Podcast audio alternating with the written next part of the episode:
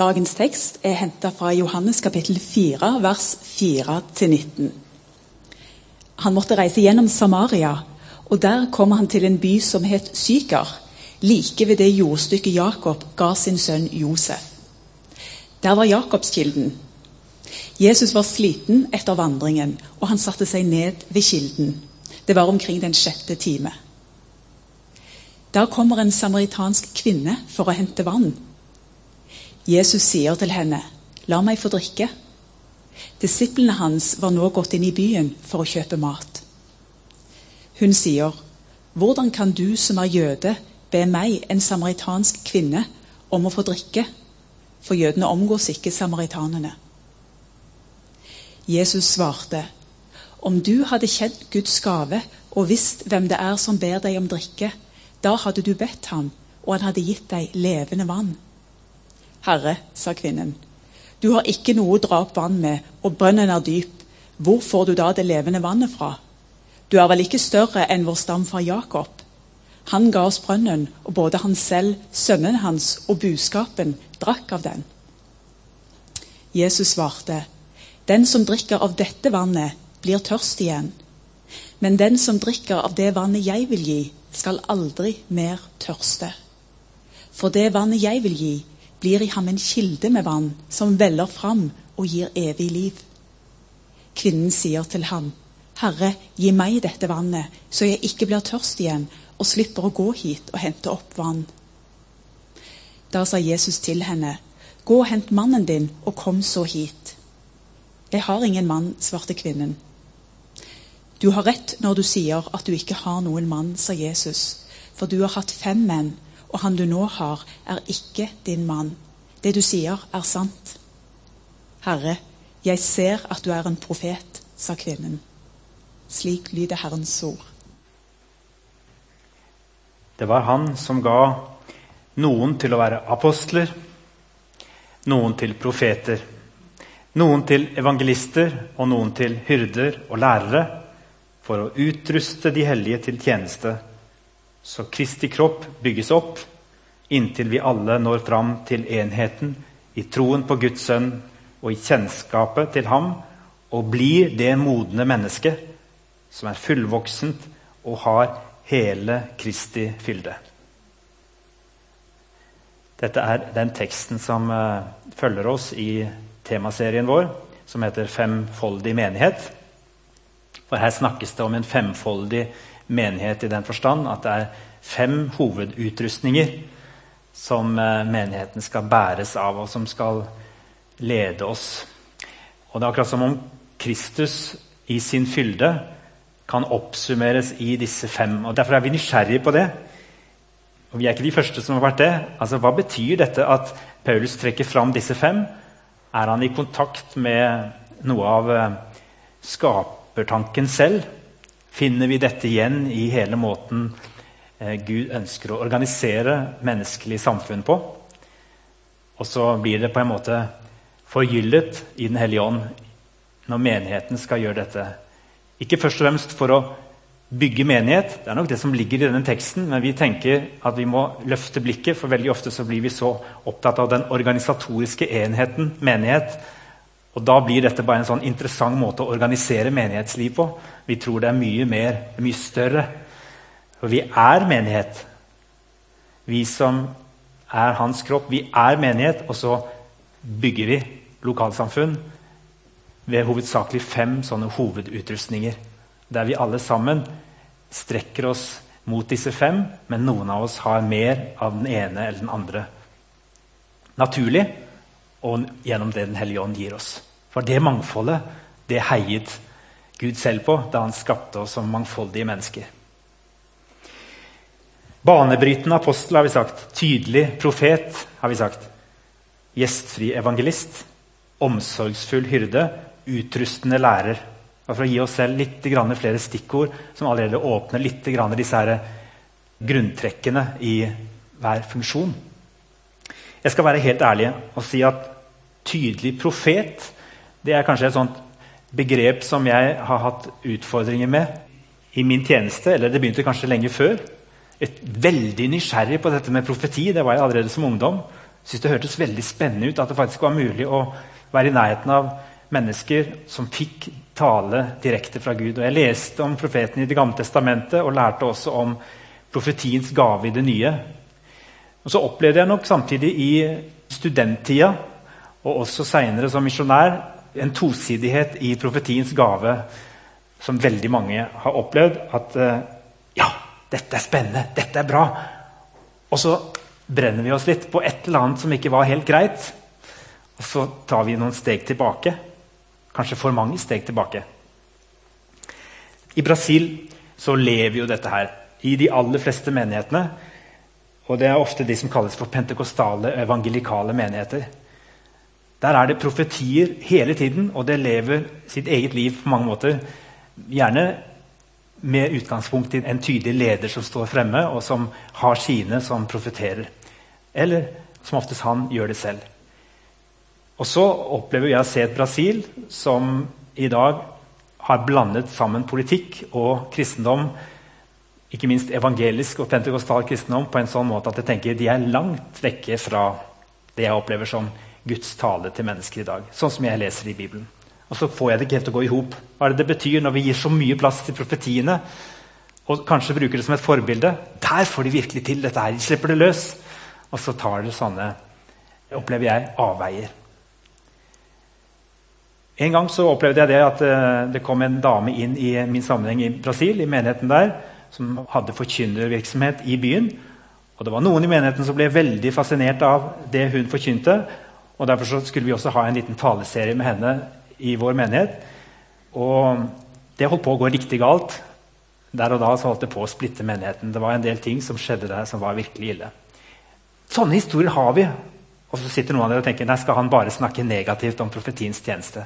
Jeg sier det fordi jeg tror det er veldig mange som har disse erfaringene. Så ser de på dokumentarer om Knutby. Og det som har skjedd der, så tenker jeg, jøye meg, vi må ikke være i en sammenheng der hvor dette får lov til å bli det styrende. Profetier og den typen ting. Huff og huff. Men jeg har jo også opplevd, også i Brasil og også her i Norge, enkeltmennesker som har betydd utrolig mye for meg. Jeg skal bare fortelle helt kort, for Av og til er det lettere å snakke om en som er litt på avstand nå, enn en folk i vår egen sammenheng her.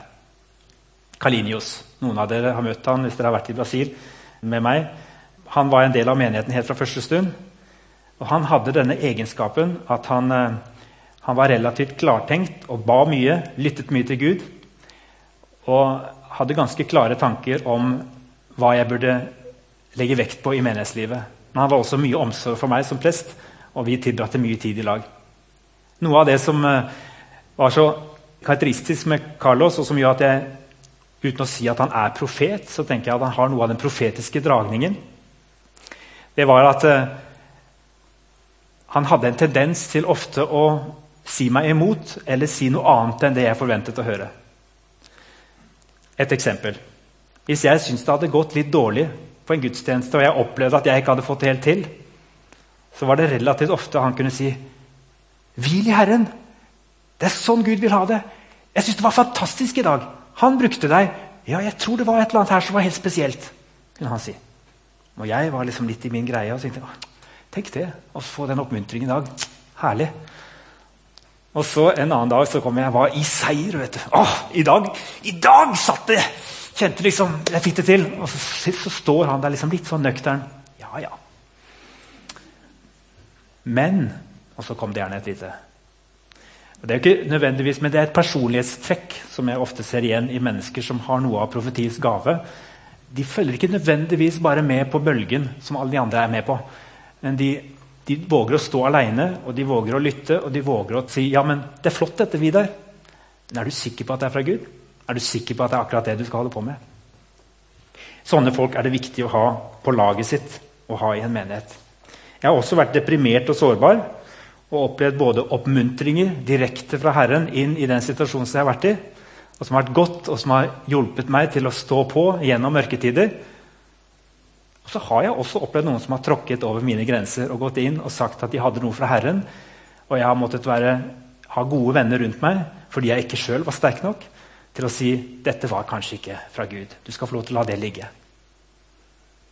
Sånn er det med profetiens gave. For vi er bare mennesker, vi som tar imot det. Jeg skal ikke snakke så veldig mye mer i dag.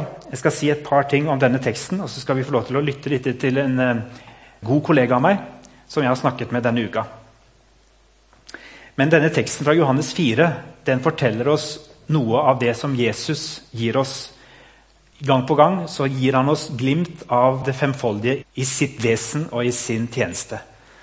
Og I møte med den samaritanske kvinnen så framstår han med den profetiske dimensjonen. Han lærer henne ikke bare, underviser henne ikke bare om forholdet mellom det gamle og det nye, den nye pakt. Det gjør han også her.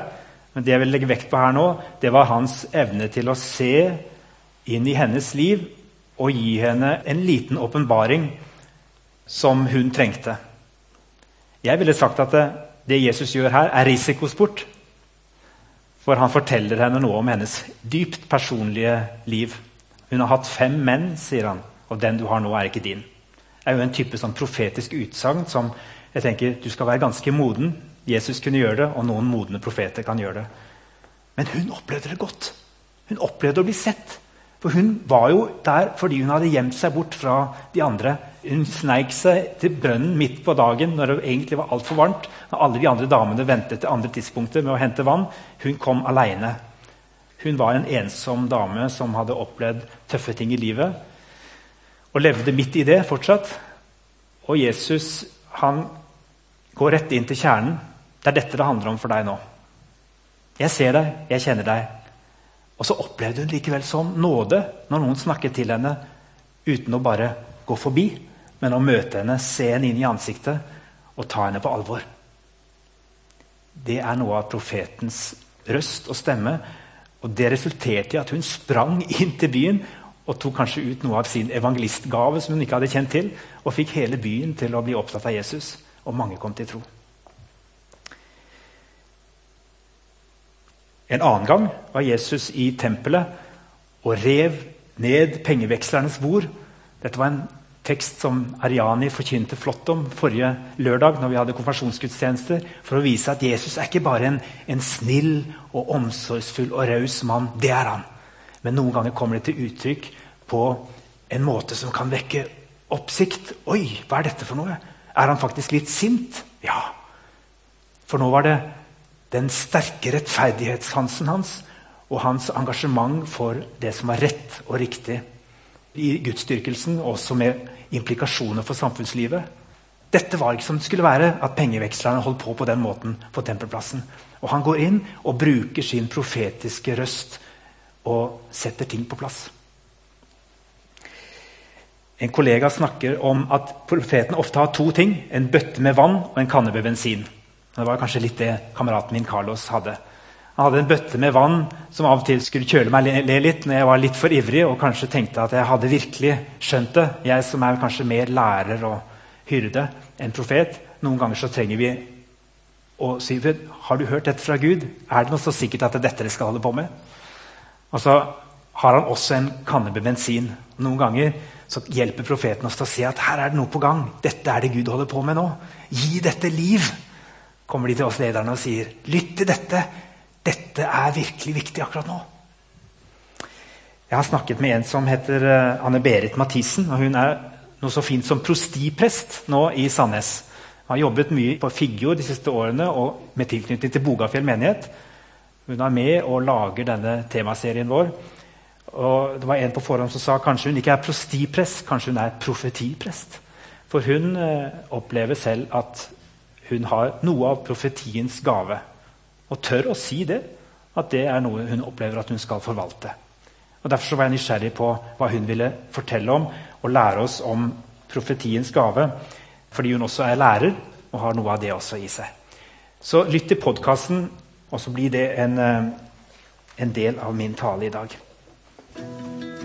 Da er vi inne igjen fra Studio B, som vi kaller det. Nå så har jeg forventning, for når jeg snakker med deg, så snakker jeg med en som har opplevd at profetiens nådegave er viktig. Ja, det har jeg. Eh, jeg har lyst til å fortelle om første gangen jeg sjøl opplevde å få en profeti over livet mitt. Ja. Da var jeg på Oase og der var det et par amerikanere som var predikanter. Og de hadde jeg jo hørt på møtet, og så bodde de på samme hotell som meg. Så vi kom i prat ved frokosten, og ja, de spurte jo veldig interessert hvem jeg var, og hva jeg gjorde. og Jeg sa jeg var feltprest på Bardufoss. Og de eh, sa jo da, ja, spurte hvem ber du sammen med? Og så sa jeg nei, egentlig ingen sånn fast.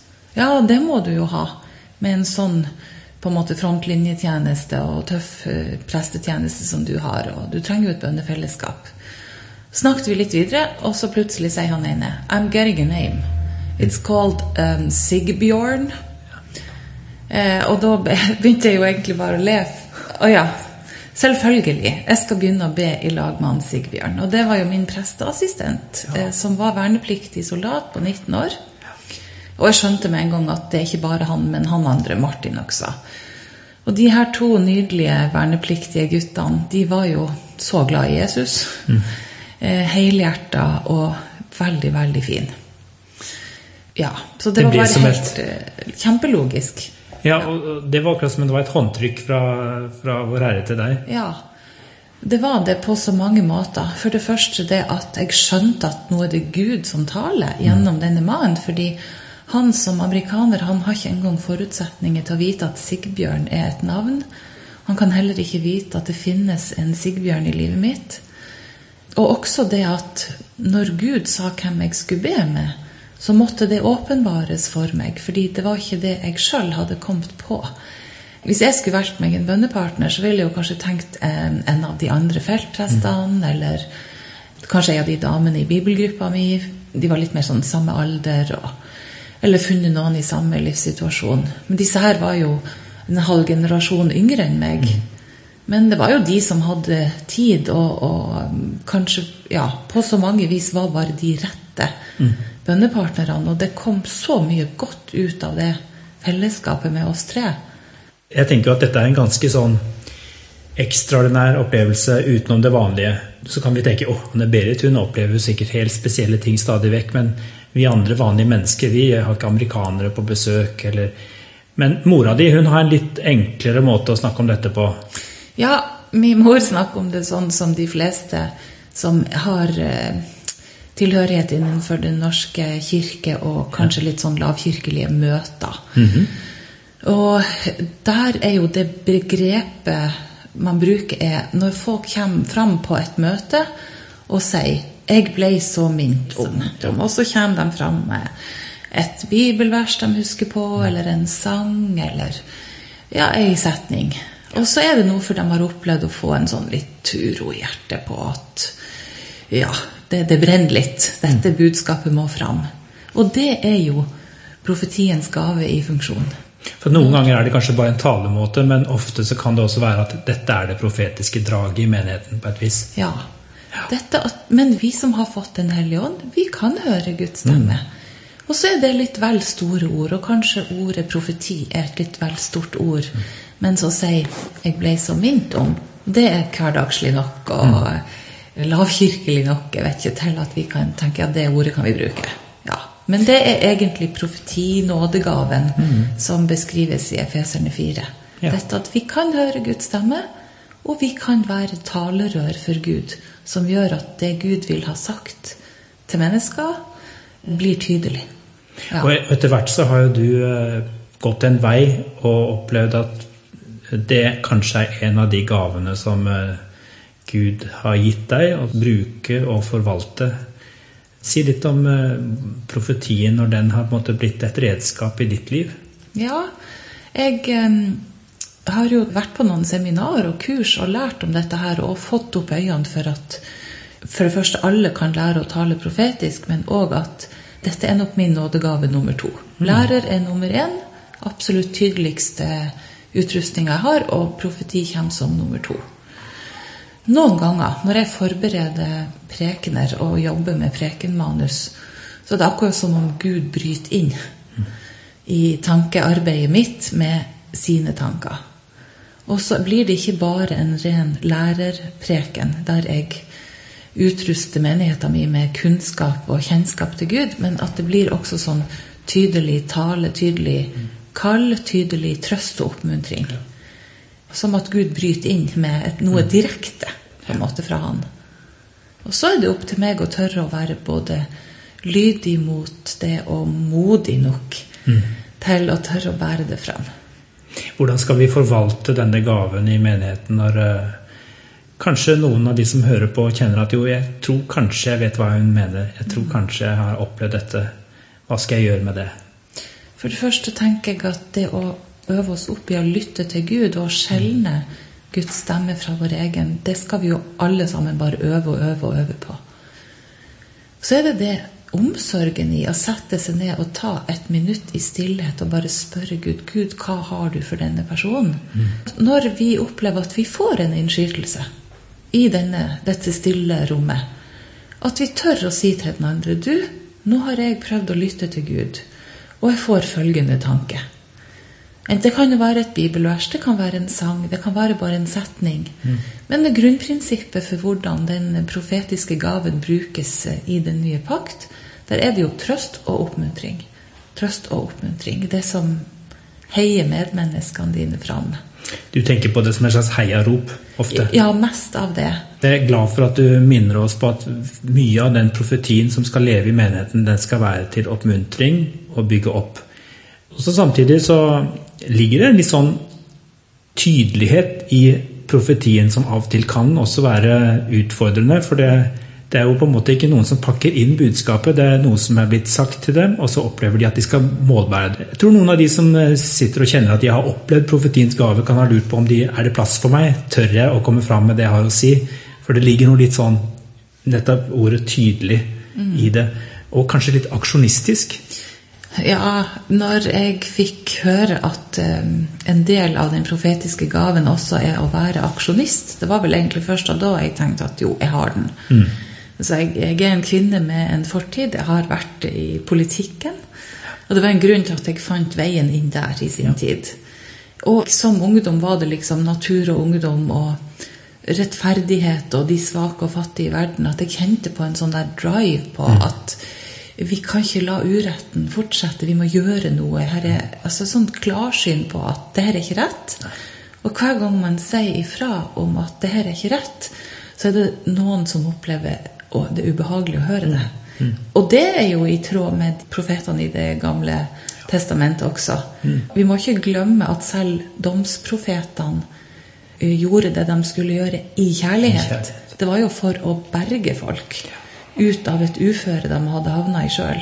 Det var jo for å få de til å vende om fra ondt til godt. Mm. Og for å slippe å få alle de onde konsekvensene. Mm. At profetene kom. Så ja. de er jo snille, selv om de kan høres litt strenge og slemme ut. Ikke sant? ja. Men da blir det andre spørsmålet Vi trenger profetene til å tale ord til oppmuntring, trøst. Også ord av og til som kan være sanne, men litt ubehagelige.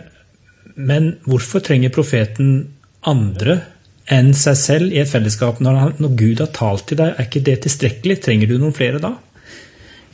Profeten har jo, har jo da bare sin egen gave. Mm. Og, og, profeten har ikke den der eh, undervisningskapasiteten som læreren sitter med, med å mm. virkelig få forklart ting så folk forstår, eller får øke kjennskap og kunnskap til Gud. og han har jo ikke den her trøstegenet som hyrden går rundt med. Mm -hmm. Det har den ikke. Og han har ikke de her visjonene som apostelen har, eller eh, Til å sette i gang nye ting? Eh, ja. Og han har ikke heller det her genet for å kunne lede folk eh, det steget til omvendelse, sånn som evangelisten har, og, og få nye med. Altså, de andre, jo, de andre er bedre enn profeten på, på alt det andre. Mm. Så pro profeten er kjempeviktig, men han er jo da, da bare en profet. Mm. Så det holder jo ikke. Så det vi lærer gjennom eh, denne serien, er jo litt det der å oppdage at å ja, selvfølgelig, det er derfor jeg har de andre rundt meg.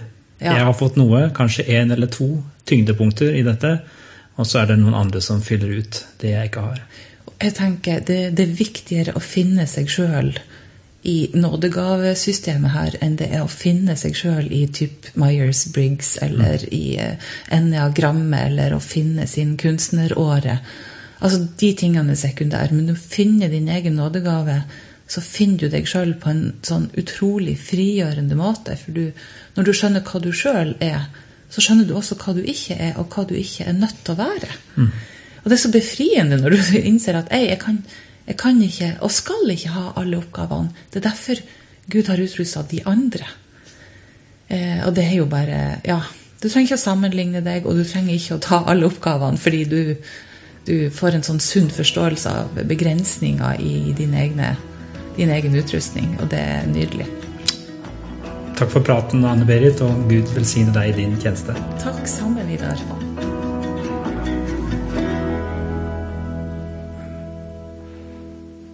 Vi må begynne et eller annet sted, alle sammen.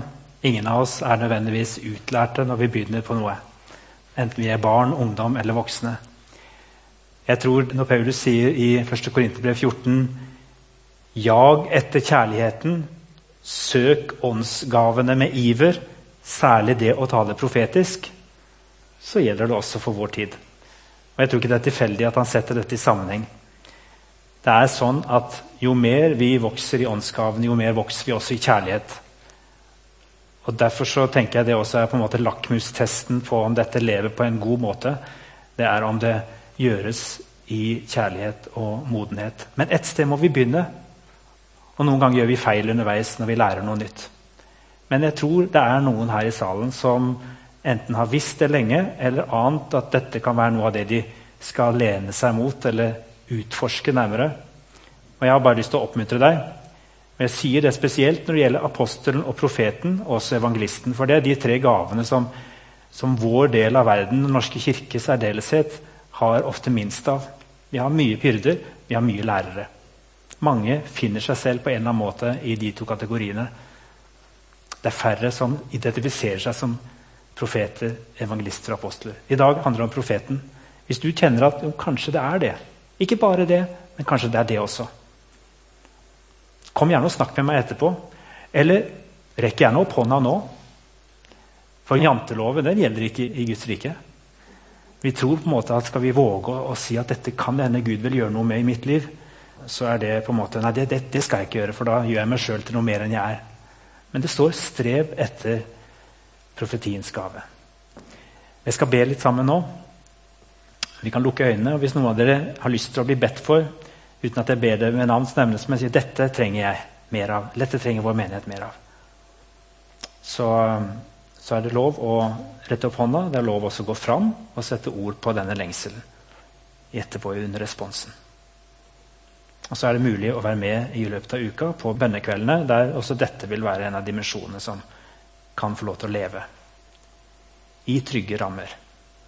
Kjære himmelske Far, takk for at du, eh, du har gitt oss noe mer enn en eh, hvilken som helst organisasjon å forvalte. Du har gitt oss å være din kropp her på jorden.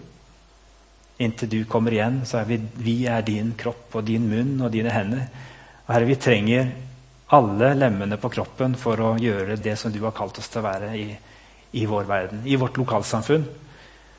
Og vi ber om at du vekker alle slags gaver iblant oss. Og blant disse fem i dag, hovedsakelig disse fem, så snakker vi i dag om profetene. Herre, jeg ber om at du hjelper oss til å bruke tid sammen med deg, alle sammen. Ikke bare de som skal ha dette som en særlig gave, men at vi bruker den tiden i hverdagen som ofte er så verdifull i stillhet eller i å lytte til deg. Og prioritere ditt rike foran alt det andre. Du har lovet at da skal vi også få så mye. Hjelp oss til å rydde plass for din stemme i våre fellesskap. Hjelp oss til å våge i smågrupper i større grupper å be om å få et ord som kan være til oppbyggelse, oppmuntring om nødvendig formaning. Men hjelp oss til å gjøre dette i kjærlighet. Du ser de som sitter her i dag og kjenner dette har jeg lyst til å finne ut mer om. Dette trenger jeg. Dette kan hende du vil bruke meg til på en spesiell måte. La oss slutte rundt dem og la de finne mennesker som kan være med og utruste dem videre i profetiens gave. I Jesu navn. Amen.